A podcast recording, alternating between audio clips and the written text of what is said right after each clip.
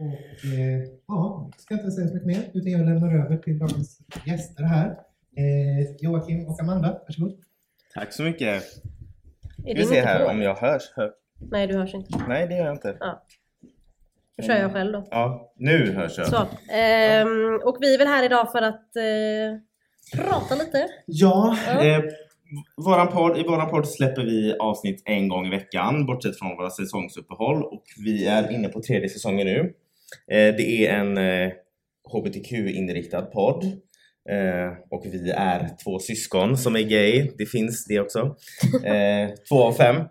Eh, så podden har hållit på sedan 2021 Ja.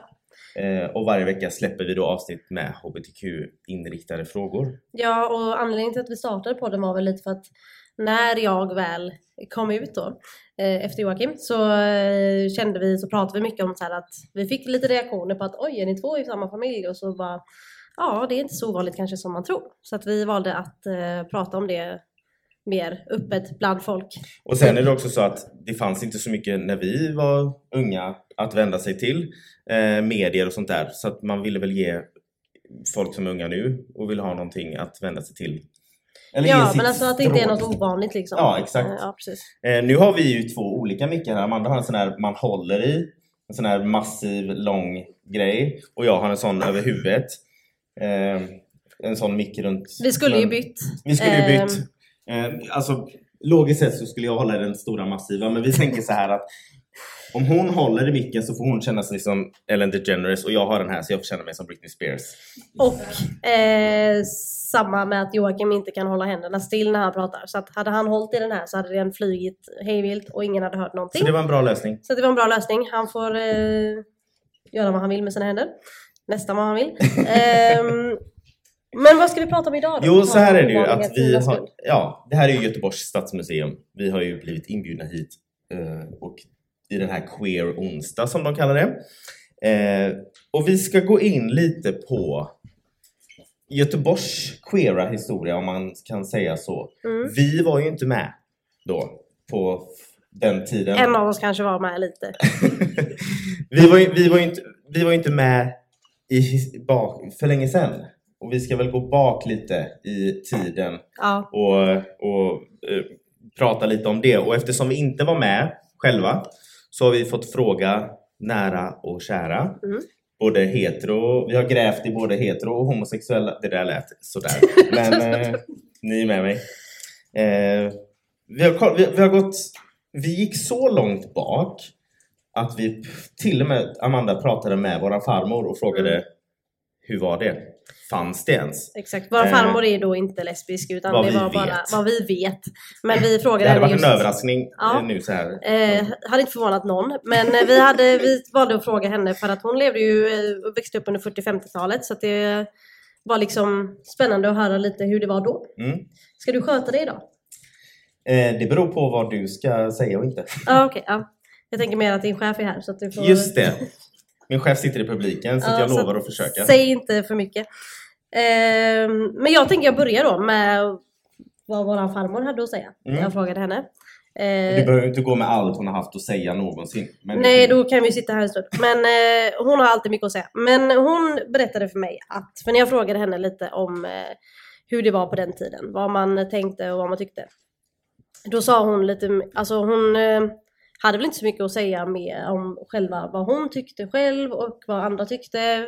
Ehm, vi kan bara gissa. Men eh, hon berättade en historia om eh, en eh, kär bambatant som man kallade det förr i tiden. Och för er som inte Nej, man kallade det inte bambatant förr i tiden. Man kallade det för bambatant i Göteborg. Ja, men hallå, nu tar du det För de som inte är från Göteborg Så är det mattant. Felicia, det betyder mattant. Ja. Eh, nej, men det var en eh, dam då som jobbade i eh, matsalen på hennes skola. Och historierna vi har hört om den här damen är ju att hon är lite av en ond person. Pratar du om farmor eller bambatanten? Båda. Nej, men... Eh, eh, Nej, nej. nej, absolut inte. Eh, våran eh, farmor berättade alltid en historia om att hon satt i bamba, eller i matsalen, eh, och blev tvingad att äta upp stuvad blomkål Mm. av en eh, bambatant som hon blev lite sur på på grund av detta. Så vi har ju alltid växt upp med det här att hennes bambatant var liksom ond. Och då är vi nu på 40-talet. Ja, Ja. precis. Ehm, och, men sen så frågade jag henne lite så, ja men hur var det med liksom HBTQ och gays och sådär under när du växte upp? Och då sa hon bara, ja men du vet den här, dam, eh, den här bambatanten? Jag bara, ja den onda en, den onda bambatanten. eh, hon eh, levde faktiskt ihop med en kvinna. Och jag bara, oj, men då är hon inte hon längre. Nu kan ju inte jag tycka illa om henne längre. Ehm, och då Det ska ju krävas en flata och tvinga i någon stuvad makaroner. Stuvade blomkålar var det Ja. faktiskt. Ehm, och då berättade hon att den här kvinnan bodde eh, typ granne med farmor och hennes familj. Och hon bodde ihop med en annan kvinna. Och nu är vi i Mölndal. Nu är vi i Mölndal precis utanför Göteborg. Och eh, hon sa då att de bodde ihop och farmor hade frågat sin mamma att varför bor de två ihop? Och då hade farmors mamma sagt för att de tycker om varandra. Och sen var det ingenting mer med det. Så det var liksom farmor frågade ju inte mer. Eh, men utåt sett till andra människor så berättade hon att då var det liksom, ja men de bodde ihop för att spara pengar, de bodde ihop för Ja. att de var bästa vänner. Alltså man kunde inte riktigt säga varför i det Är det läget. det du och Felicia säger också? Vi bor ihop för att spara pengar. Har du inte hört hur världen ser ut just nu? Jo, jo. Det Ehm, makes sense. nej men eh, så, så var det då att de till resten av världen sa de väl, eller resten av världen, resten av folket runt omkring sa de att ja, men det här är för att spara pengar. Ehm, farmors mamma kände ju dem lite grann så hon visste ju eh, Mm. varför de bodde ihop egentligen. Ehm, men det var väl det som var en stor skillnad, det var att de fick liksom skylla, skylla på Så det var farmors första inblick i uh, gayvärlden. Sen fick hon två barn några år senare. Några Ja, år senare. några år senare. Ja, du var väl typ fem år senare.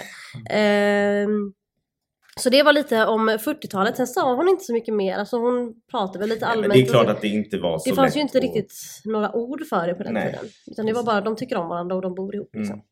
Mm. Ehm, men sen så valde vi att fråga våran kära mor som växte upp under 70-talet. Hon är född 62, så det Mm. blir 60-70. Ja. Eh, och hon berättade att hon hade en eh, kompis i sin skola, en kille, som eh, alla fattade väl att han var bög. Men eh, han sa ju inte det öppet, men det var en sån här grej att alla antog och fattade. Där har ju Eh, varit. Där har du varit. Ehm, och han blev otroligt utstött av alla grabbarna i skolan. Eh, för han tyckte inte om sport och han ville bara umgås med tjejer. Det är som vi pratar om dig, men det är det inte. Ehm, och han eh, liksom... Ja men han blev aldrig vald på gympan för på den tiden så skulle man vara etta väljare och två väljare och välja vilket lag man ville vara i. Ja men så var det Eh, även på min tid. Ja.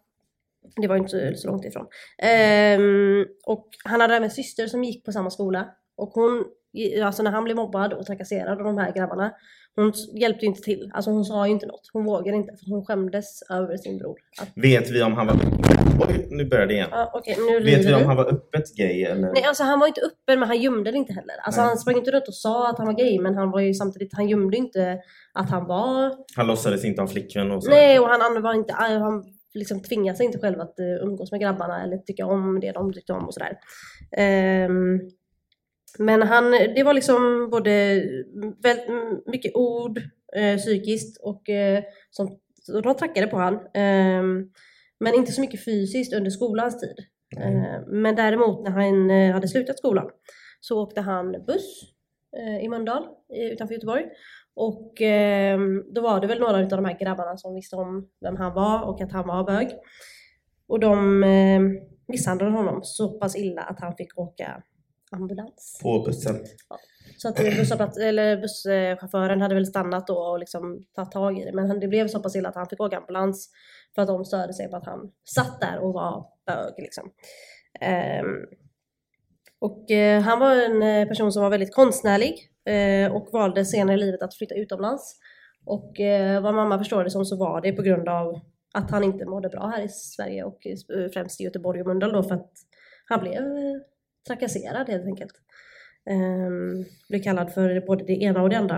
Eh, och sen berättade hon även att samtidigt som det här pågick i skolan då när han blev mobbad så var det även två tjejer som alltid gick och liksom höll varandra i handen och eh, eh, liksom eh, umgicks och de blev ju retade liksom för ja, lesbianer och allt vad man sa. Men de var ju två. Så för dem blev det lättare att liksom stå emot och liksom de fortsatte hålla varandra i handen och de sket lite i Men är det inte så, nu vill jag absolut inte ta ifrån någon någons upplevelser, men kan om jag gissar rätt, kan det vara så att rent våldmässigt att det är svårare att vara bög än lesbisk? För att lesbiska... Ja, alltså män är ju... Heterosexuella cismen är ju väldigt brutala. Ja. Om vi Alltså jag menar från, om vi säger såna. en heterosexuell man eh, är mer våldsam mot en homosexuell kille än en mo- homosexuell Mm. tjej. Ja, är Sen är kvinna- ju heterosexuella killar svin mot eh, tjejer överlag ändå. Ja. Men, om Men det är också, där är det mer att de sexualiserar och gör tjejer obekväma på det sättet Ja. istället. Eh, men de här två var ju också, de var ju två. mm. Eh, den här eh, personen då som killen, Och på ju något sätt ensam. så känns det som att det kanske är mer okej då att eh, som två tjejer på Att hålla varandra i handen. 70-talet att hålla varandra i handen för då Mm. blir det att de är lite kompisar men två killar kan inte göra det. Nej men det är ju det är, det är också kulturen mellan Mm. eh, tjejer och killar. Sen såklart, allas upplevelser är de egna och, och alla, alltså alla är ju sig själv närmast. Mm. Eh, Men just om man tänker på ett, en heterosexuell mans perspektiv så känns det som att han har svårare för två homosexuella män än två homosexuella kvinnor. Ja men det blir ju mer, alltså, det känns som att det blir mer våldsamt på något sätt Ja. i det läget. Tyvärr. Ehm, och jag frågade även mamma hur, hur, alltså om hon pratade med sin familj liksom om sådana här grejer och hon sa att alltså det pratades ju inte om. Mm. Ehm, man liksom, det fanns ingenting på, för vi har pratat om det innan, om representation i media och tv och film och sådär. Eh, och hon sa att det fanns ju ingenting på tv eller radio eller vad man nu gjorde på den tiden eh, som startade konversationer. Eh, och det är därför vi har pratat mycket om representation, att det startar konversationer, det är viktigt. Ehm, men hon sa att det, alltså, vi pratar ju aldrig om det. Det kommer ju aldrig upp i någon konversation. Och när det väl kom upp i en konversation då använder, använder man liksom fraser som att han eller hon var lagd åt fel håll.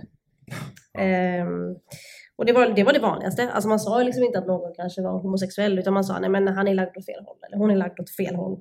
Eh, och liksom... Hur kommer man ens på den meningen? Nej men jag vet inte. Men och, och jävlar. Eh, bög och flata var ju liksom skällsord på den tiden. Ja. Ehm, så, och, det, och det var ju mer så här, man använde bög och flata som skällsord mot vem som helst. Och det är också det, det är därför de säger att bögar och flator har ju tagit tillbaka det ordet.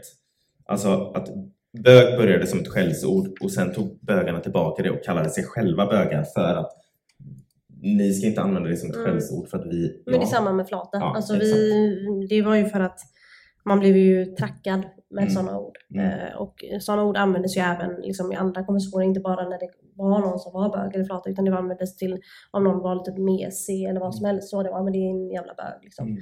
Ehm, men när man skulle, faktiskt skulle prata om någon som var homosexuell, då sa man liksom, ja men han är lagd åt fel håll. Mm. Åt fel håll. Ehm, så det, och det sa hon att det sa alla. Alltså Mm. det var så man uttryckte sig. Ehm, vilket är helt Ja, men man visste nog inte bättre heller. Det handlade nog väldigt mycket om okunskap på den tiden.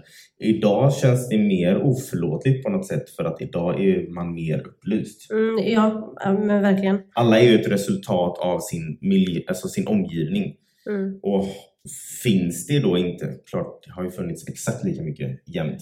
Men om det inte syns så är det ingen som vet om det. Därför så Det finns ingen förståelse. finns ingen förståelse Mm. för att du inte... Det finns inte i din miljö liksom. Mm. Ehm, sen har vi ju också man måste ju också fråga de homosexuella som levde på den här tiden, eller levde på den här tiden, som var med på den här tiden.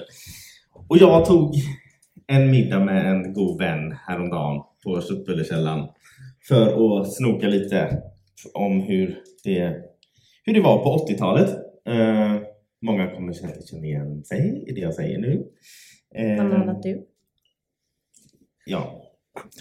Eh, och sen, sen vill jag ju säga också, alla har ju sina egna upplevelser om hur det var. Så nu har jag pratat med en person och sen kanske någon annan gay-person upplever det på något sätt. Alltså, så att man får liksom, alla har ju liksom egna upplevelser. Typ som du och jag är uppväxta i samma familj men vi har ju säkert olika syn på vår uppväxt. Jag menar, du är yngsta barnet, enda tjejen, fick allt du pekade på. Jag fick pappas fotbollstrumpor som långkalsonger. Och är, I alla fall. Jag tog en lunch med en god vän på Köttbullekällaren häromdagen för att ta reda på hur det var. Eh, och vi pratade en del om gayklubbar. Som det inte finns mycket av i Göteborg idag. Det finns en. ja, det finns en gayklubb och så finns det ju Bibar som är en restaurang och så ibland lite halvt nattklubb men man får knappt plats. Ja. Men det, det är jättebra ställen, det är det ju absolut. Men det är ju bara de två Mm. som finns. Och så har Park Lane eh, någonting en gång i månaden Mm. tror jag. Om man jämför med Stockholm. Och Precis. jag har förstått det som att det var mycket bättre förr i den här ljuva staden som vi bor i. På den tiden fanns det klubben Bacchus som nog var och kanske för vissa även fortfarande är den mest kända gayklubben hittills i Göteborg. Mm. Nu finns det inte längre. Ehm, Men du, du kommer inte ihåg när den stängdes? jag kommer inte ihåg när den Du- stängde. Är det någon som kommer ihåg när den stängdes? 96. 96. 96. 96 Men stängdes då den. borde du ändå ha lite koll. Du var faktiskt också född då. Ja, så- fan okej då. Men jag var ett. Ja. Ehm, Bacchus låg på Bellmansgatan alldeles intill Hagakyrkan och förutom att Bacchus var en gayklubb så hade de ju också alltså, riktig restaurangverksamhet. Och det var öppet torsdag till och med söndag. Och Bacchus var ju så bra för det fanns liksom en stor bardel. Nu, nu har jag ju skrivit upp här och jag läste först att det fanns en stor bakdel. Det hade ju inte varit fel säkert heller. Men, Det fanns Ehm, säkert också och i den här bardelen kunde man, ja men mer att man, alltså man kunde äta mer, alltså det fanns mat men det var liksom inte så här fint, det var liksom utan dukar och lite mer enkelt. Men så hade de även någonting som de kallade för Gustavian, Gustavianska matsalen som låg längst in. Eh, där var det lite mer tyst och lugnt och lite finare. Man satt och åt och det var fina vita dukar, levande ljus, färska blommor på borden och så. Jättefint. Fast det, det var ju liksom samma matsedel på både liksom, restaurangdelen och bardelen. Du ser frågvis ut. Nej, jag tänker bara att den senaste delen du pratade om lät väldigt homosexuell.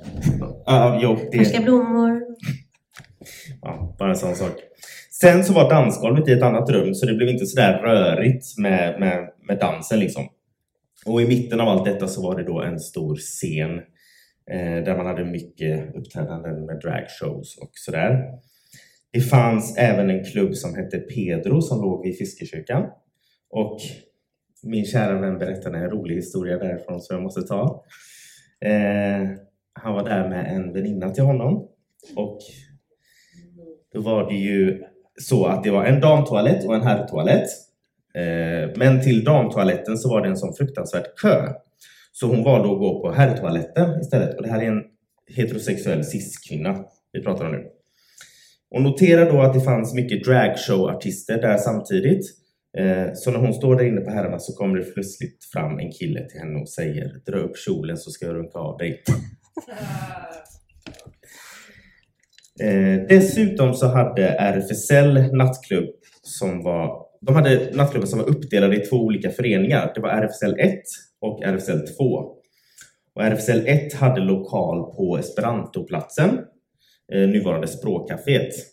Eh, och där hade de diskotek. På RFSL 2 så höll det till lite äldre eh, människor och en del transpersoner och sånt där.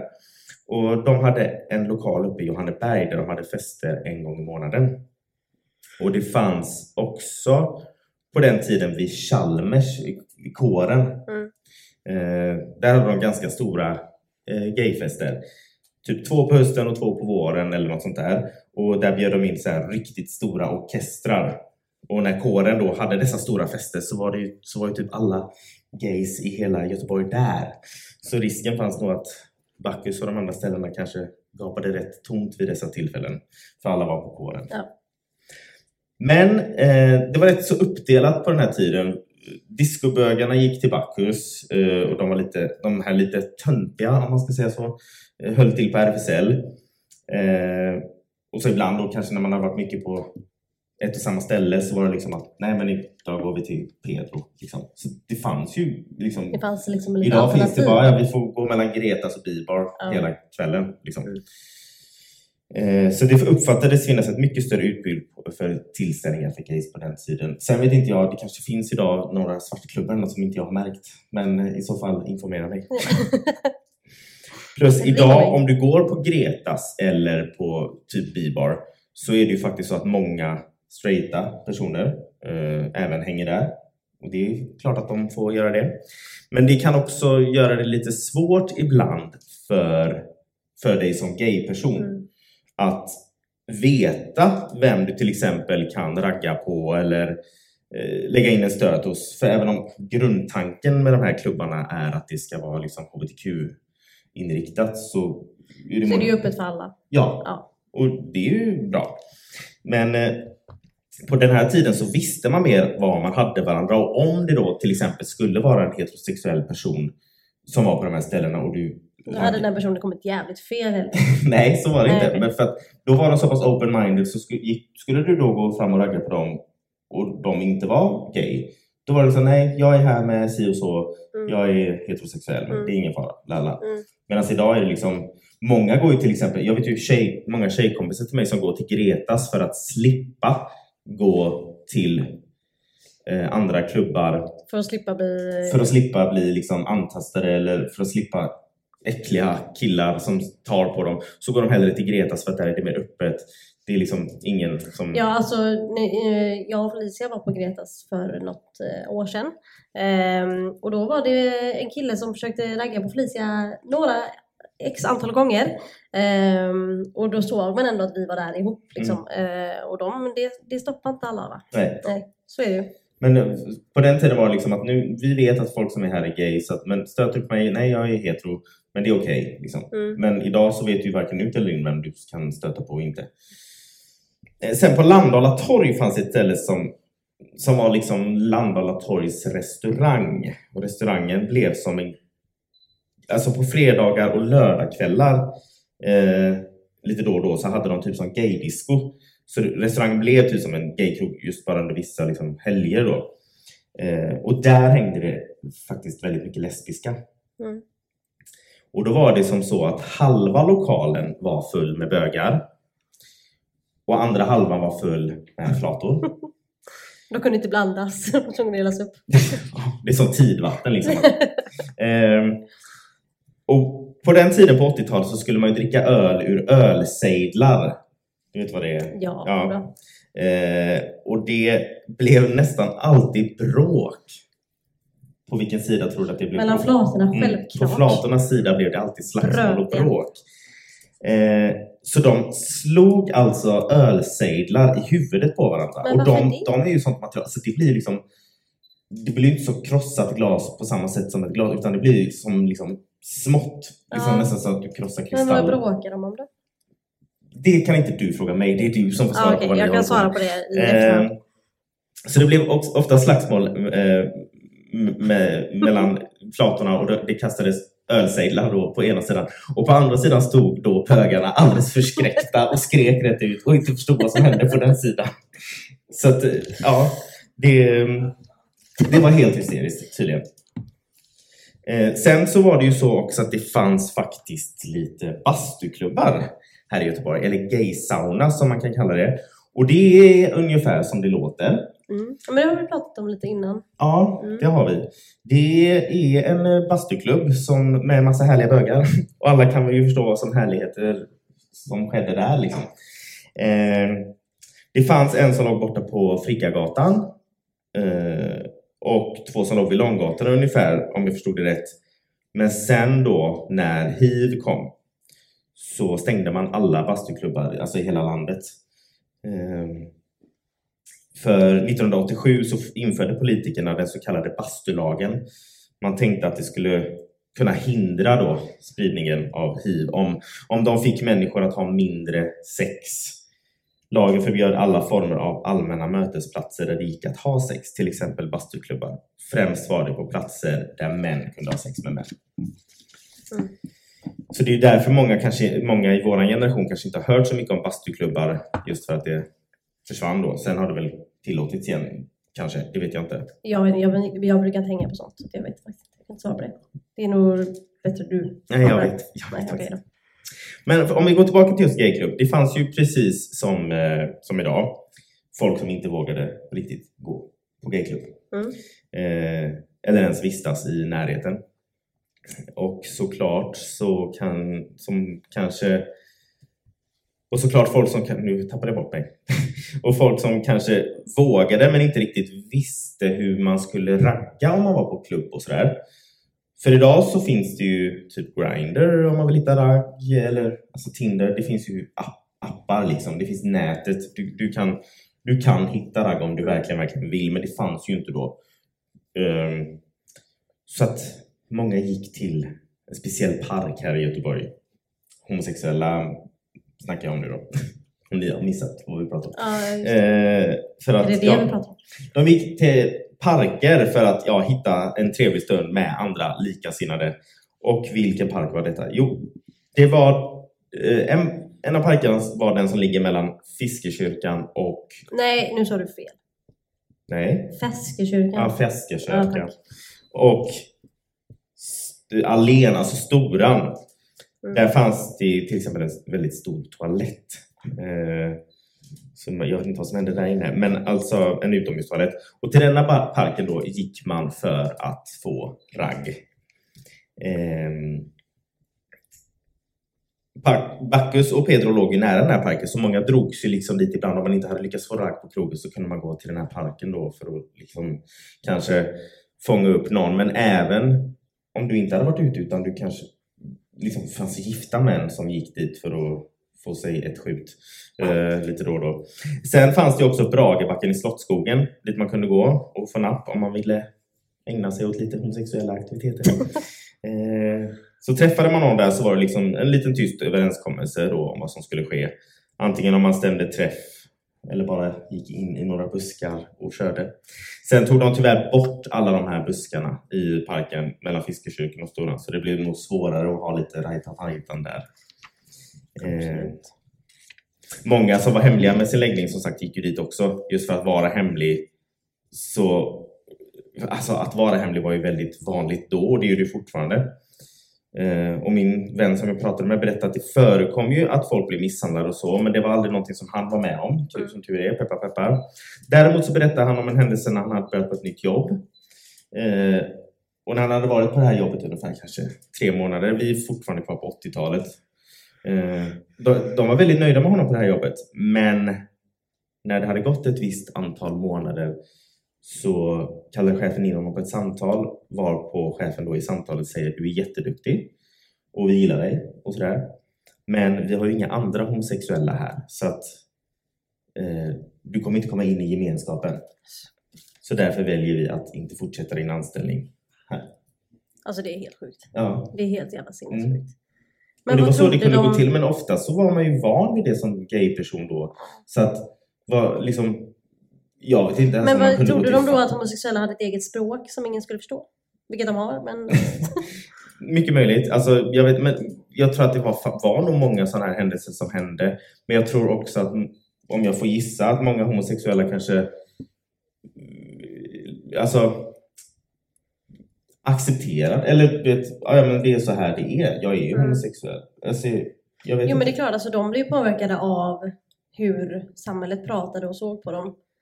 Eh, Även, även om de liksom var sig själva och sånt så var det ändå samhället sa till dem att det var fel på något sätt. Mm. Och då är det är ju svårt att komma ifrån att, att det kanske är så. Det, det är ju inte så men Mm. Och på den tiden fanns det inte lika mycket öppenhet i till exempel då. Jag menar vi tycker fortfarande inte att det finns mycket öppenhet i media tillräckligt. Mm. Men då fanns det ju ingenting så då fick man ju nästan acceptera sin situation som den var. Ja, men exakt. Mm. Man fick liksom finna sig i det och anpassa sig. Men om vi, om vi hoppar lite då till 90-talet. Har du eh, någonting som du var med om då? Eller kanske början på 2000-talet? 90-talet har ju väl att ta i, jag var bara fem. Ja. Eh, I slutet av 90-talet. Eh, ja, jag tänkte ta en eh, egen historia. Eh, jag har två. En från eh, tidigt 2000-tal eh, och en från, eller tidigt, halvtidigt och så en lite senare. Eh, när jag gick i, jag tror det var fjärde eller femte klass, så um, fanns det någonting som hette MSN. Eh, Är vilket någon då som kommer ihåg MSN? alla här inne. MSN var ju, om vi ska förklara för de som kanske inte kommer ihåg, det var ju som Messenger som man använder idag. Det var bara chatt. Liksom. Men det var bara chatt. chatt, liksom Ja. MSN fast det var som Messenger fast via datorn. För du, du, du använde inte din mobil på det sättet på den tiden. Nej, du hade, mobilen hade ju inte nät på den Nej, tiden. och på MSN hade man liksom alla sina kompisar, så alla man umgicks med och sådär gick man hem till. Och man gick hem efter att man hade umgås med sina vänner hela dagen och så skrev man med dem på MSN. Ja, men lite så. Mm. Eh, och man kunde lägga till varandra och sådär. Och då var det eh, en tjej som var rätt ny i våran skola på den tiden. Hade börjat prata med en annan tjej. Hur gamla är ni här? Här är vi väl 10-11. Mm. Eh, hon hade pratat med en annan tjej som var ett år äldre, gick i klassen över oss. Eh, på MSN som man gjorde, liksom la till varandra och pratade. Eh, och då hade de pratat rätt mycket. Och jag vet ju inte, jag har inte varit inblandad i deras chattar. Men enligt en av dem så frågade den andra om de skulle bli ihop.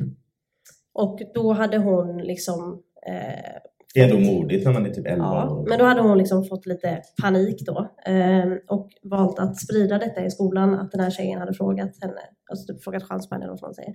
Ehm, och då blev det liksom, alltså hon, hon var ju rätt ny i vår skola då också och då blev det liksom att hon fick, eh, fick ryktet som läppen liksom. Mm.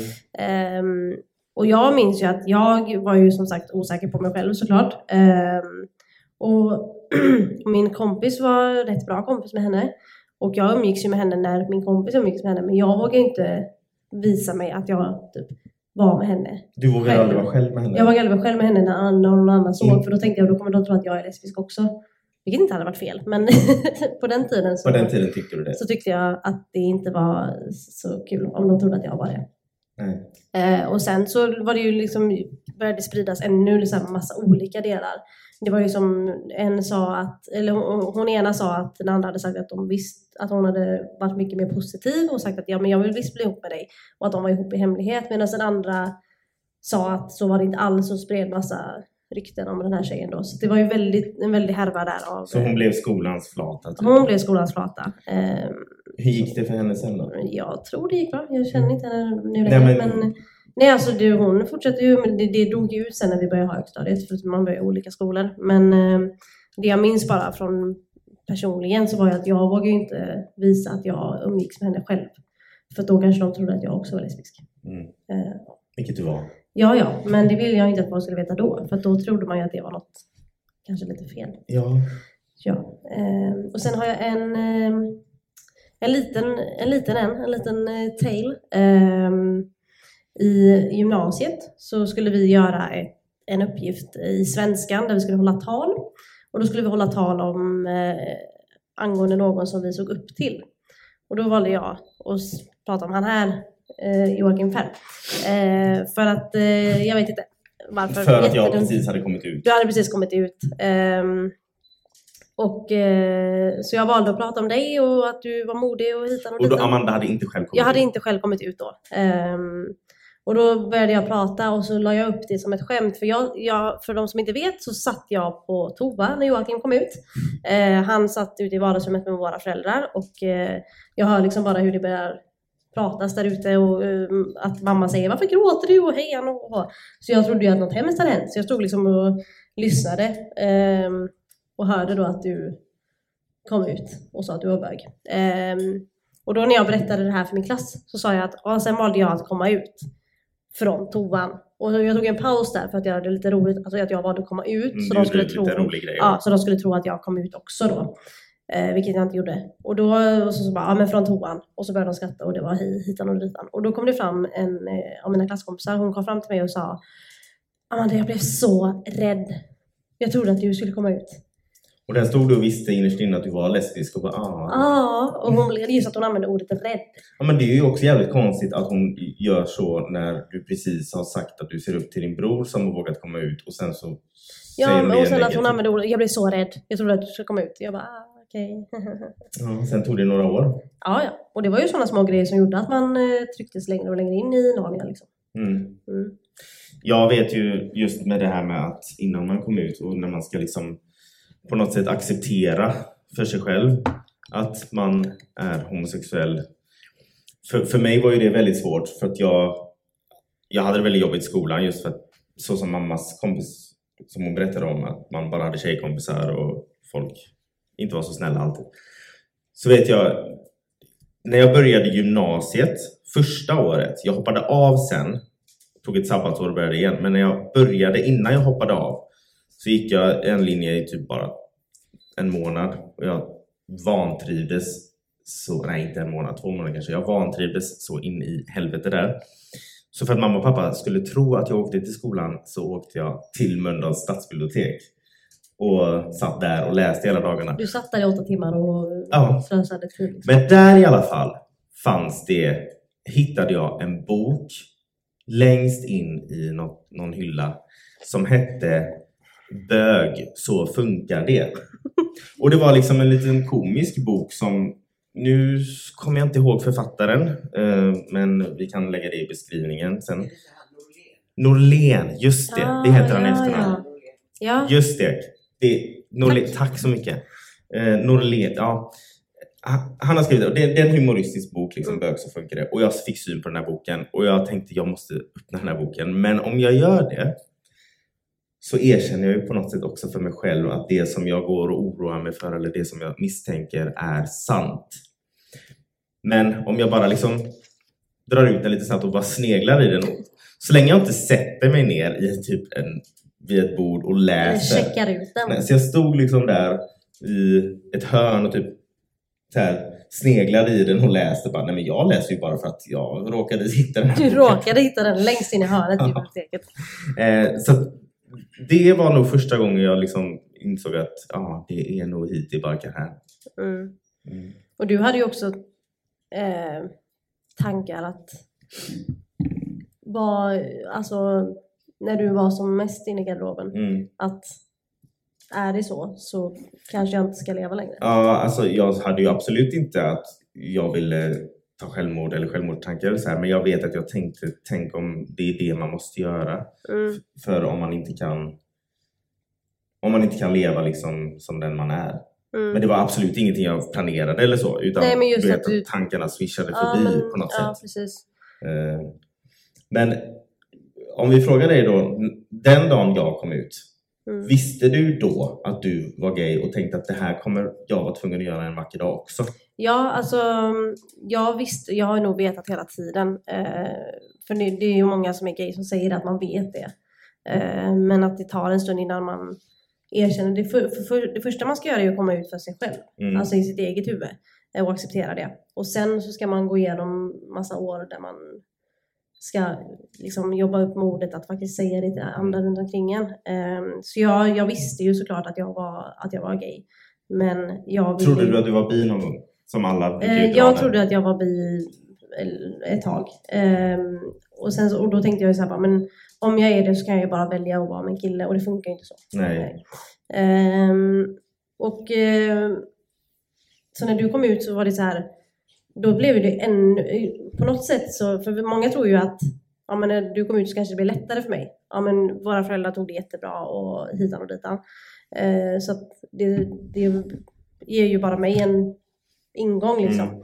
Men jag kände att om han är gay, då kan ju inte jag också vara gay. Det funkar ju inte. Det räcker väl med en liksom.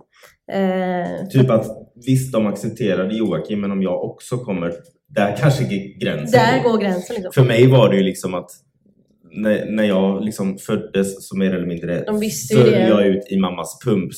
Är Så att det var så. ingen som var förvånad, de hade Nej. bara väntat på det. Liksom, när jag satte mig till mina föräldrar och liksom, jag har en sak att säga, så man bara kollar på klockan, åh äntligen. Ja men Det lite var, så. det var liksom exakt. ingen som var förvånad. Men när du kom ut så, Ja det var ju ingen som riktigt, eh, inte ens du typ, som ändå är gay själv. Mm.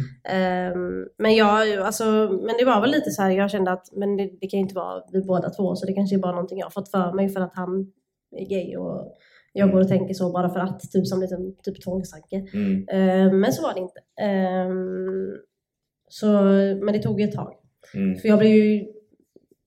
Ja, du kom alltså- ju inte ut förrän du hade träffat din flickvän som du fortfarande är ihop med. Ja, ehm, ja, nej men för jag hade ju planer på att inte komma ut på ett bra tag.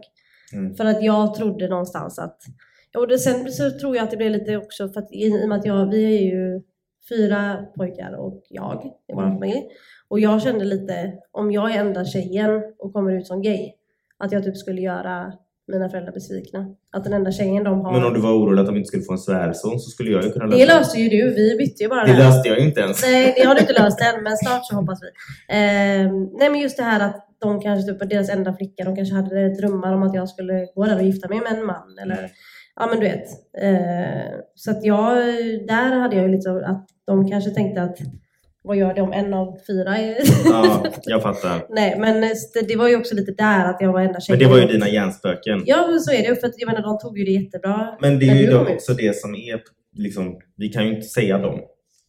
För att pappa gick ju bort innan du, han kom ut. Ja. Så pappa fick ju aldrig veta att du var lesbisk. Nej, och det är också någonting som... kan, ja, kan du känna att du hade önskat att du hann säga det innan? Ja, eh, definitivt. För jag vet, alltså jag vet ju med mig att han hade tagit det jättebra. Mm. Jag tror att han hade blivit lättad att veta att jag inte skulle vara med någon man. Men ehm, just det här att jag inte kan ha varit, att jag har levt 19 år med min pappa utan att ha varit 100% mig själv. Mm. Och pappa var liksom min bästa vän. Så det var ju också så här, vad, han har inte känt mig 100% som han trodde. Och Mm. han kommer aldrig få göra det. Så Mm. det tycker jag är väldigt jobbigt. Ehm, så där ångrar man ju att man kanske inte tog modet till sig och gjorde Mm. det tidigare. Men det kan man ju inte veta. Man kan inte veta Nej, och man måste, ta, liksom. man måste göra det när man själv känner att, Ja. det, det, att man är redo. Mm. Så att det, nej men det var absolut, eh, det tog en stund. Det Mm. tog längre tid, tror jag, på grund av att du kom ut. Så det är ditt fel. Så det är mitt fel. Men jag var 22 och du var 22. Ja. Så att det var, du kom Samma ut ålder, sju år men sju efter år mig. senare. Ja, sju år senare. Mm. Eftersom jag är sju år äldre tyvärr. Ja, ser nu. Ja. Eh, men nu har jag ju börjat på samma jobb som du och vi, jag fick ju faktiskt frågan vem är äldst? Och den anställda jobbar inte kvar längre. Jo då. Eh, jo men det har, jag, det har du fått frågan några gånger och du är så glad och jag är så ledsen över det. Mm. Men eh, ja, vad gör man inte när man, när man börjar bli gammal? Så är det ju. ja. Ja, så nu fick vi lite, lite 40, se- 80, 90 40, tal. 70, 80, 90 Ja. 1000. Vi har ändå gått igenom några årtal. Mm. Och vi får ju tacka alla som har hjälpt oss med att få den här informationen för det har inte varit lätt att hitta. Eh, Nej, det är inte så att man kan googla riktigt. Nej. Få fram något konkret. nej, då är det liksom Då är det mer bara fakta. Jag, jag läste någonstans att det, att det var någon som hade gjort något konstprojekt som hette Göteborgs queera historia. Men jag gick inte in mer på det. Men Det finns ju massa fakta såklart, men just det här eh, det. Det personliga och energin och atmosfären är ju svårt att fånga För vi har haft två livepoddar innan och där har det varit mer faktabaserat. Liksom, Mm. Där man berättar. Men nu ville vi ha mer personliga berättelser. Ja, liksom, precis. mer, eh, hur det har varit i Göteborg och lite av våra egna. Ja, Ja, det var väl allt. det var väl allt vi Det hade var väl allt vi idag. hade idag. Eh, som sagt, vi släpper ju avsnitt en gång i veckan.